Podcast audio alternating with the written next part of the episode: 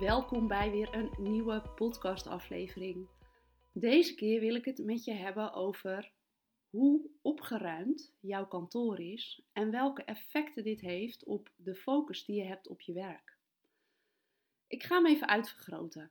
Je kent wellicht het tv-programma en nu kan ik even niet op de naam komen. Het is zo'n soort programma van help mijn man is klusser, maar dan is het help ik kan niet opruimen of zo. Ehm, het zijn van die huizen die van onder tot boven vol staan met dozen, tassen, spullen, uh, waardoor er eigenlijk niet eens meer plek is om te leven. En je ziet daarin ook personen, en vanuit jouw uh, zorgkennis weet jij dat. Je ziet dan van die personen met veel psychische problemen, die simpelweg niet meer in staat zijn om te overzien waar ze moeten beginnen met opruimen. Dus ergens diep zit het verlangen wel, anders zeggen ze geen ja tegen het programma. Maar dat setje hebben ze wel nodig, want ze gaan er zelf niet aan beginnen. En die zitten in een cirkeltje van een niet opgeruimd hoofd en een niet opgeruimd huis. En dat heeft hele grote effecten op hun leven. Nou, daar wil ik het met je over hebben in deze aflevering maar dan toegespitst op jouw realiteit en niet op een huis vol met dozen en tassen. We gaan het hier hebben over de post-its op jouw bureau, het kladblok met een to-do-lijstje en de stofzuiger in de hoek van jouw kantoortje thuis.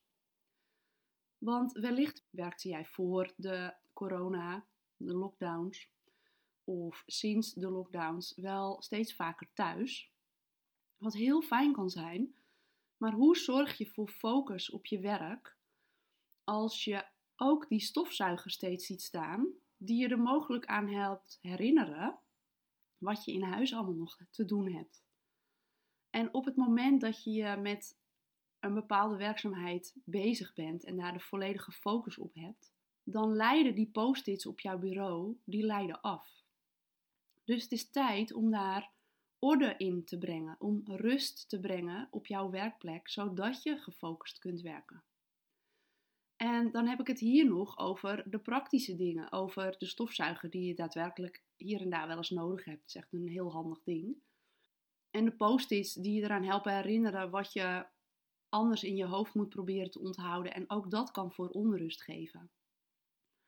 Maar er zijn vaak ook dingen die in jouw omgeving staan, die eigenlijk niet noodzakelijk zijn.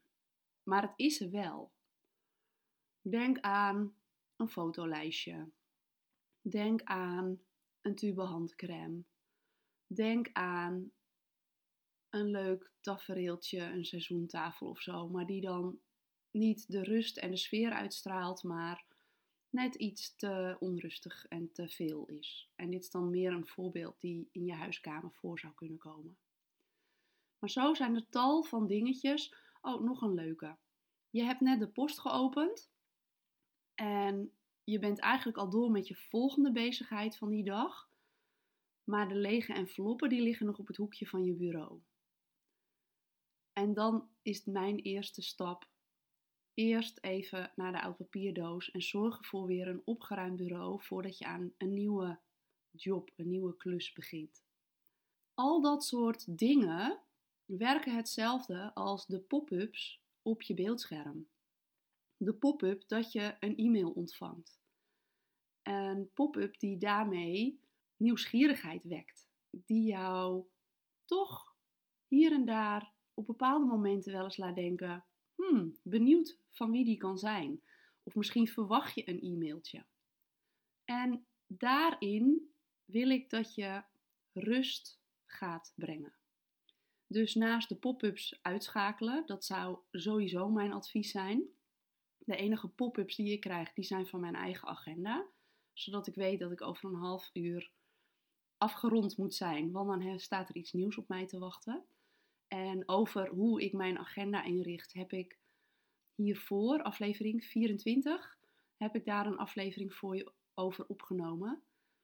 Maar in deze aflevering wil ik dus inzoomen op, op jouw bureau, op jouw werkplek. Waar mogelijk jouw jas ligt, of een tas op de grond, of nou ja, you name it. Ruim het op.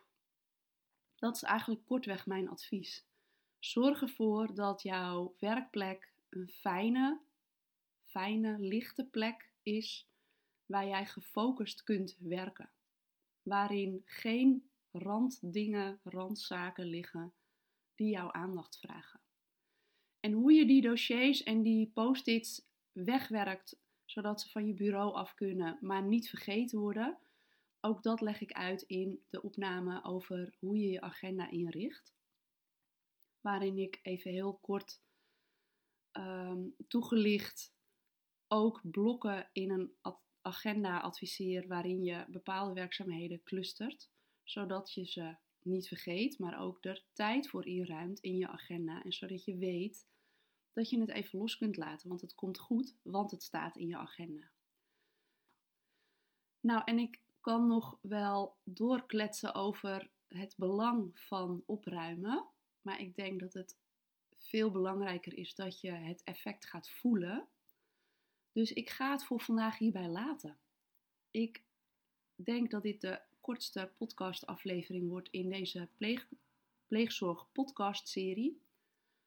En ehm, ik ga spaarzaam om met zowel mijn tijd als die van jou. En ik nodig je uit om uh, kritisch naar je werkplek te gaan kijken. En in het verlengde zou je hier natuurlijk ook kritisch kunnen kijken naar je woonplek, je slaapplek, noem het op. Maar dat is aan jou.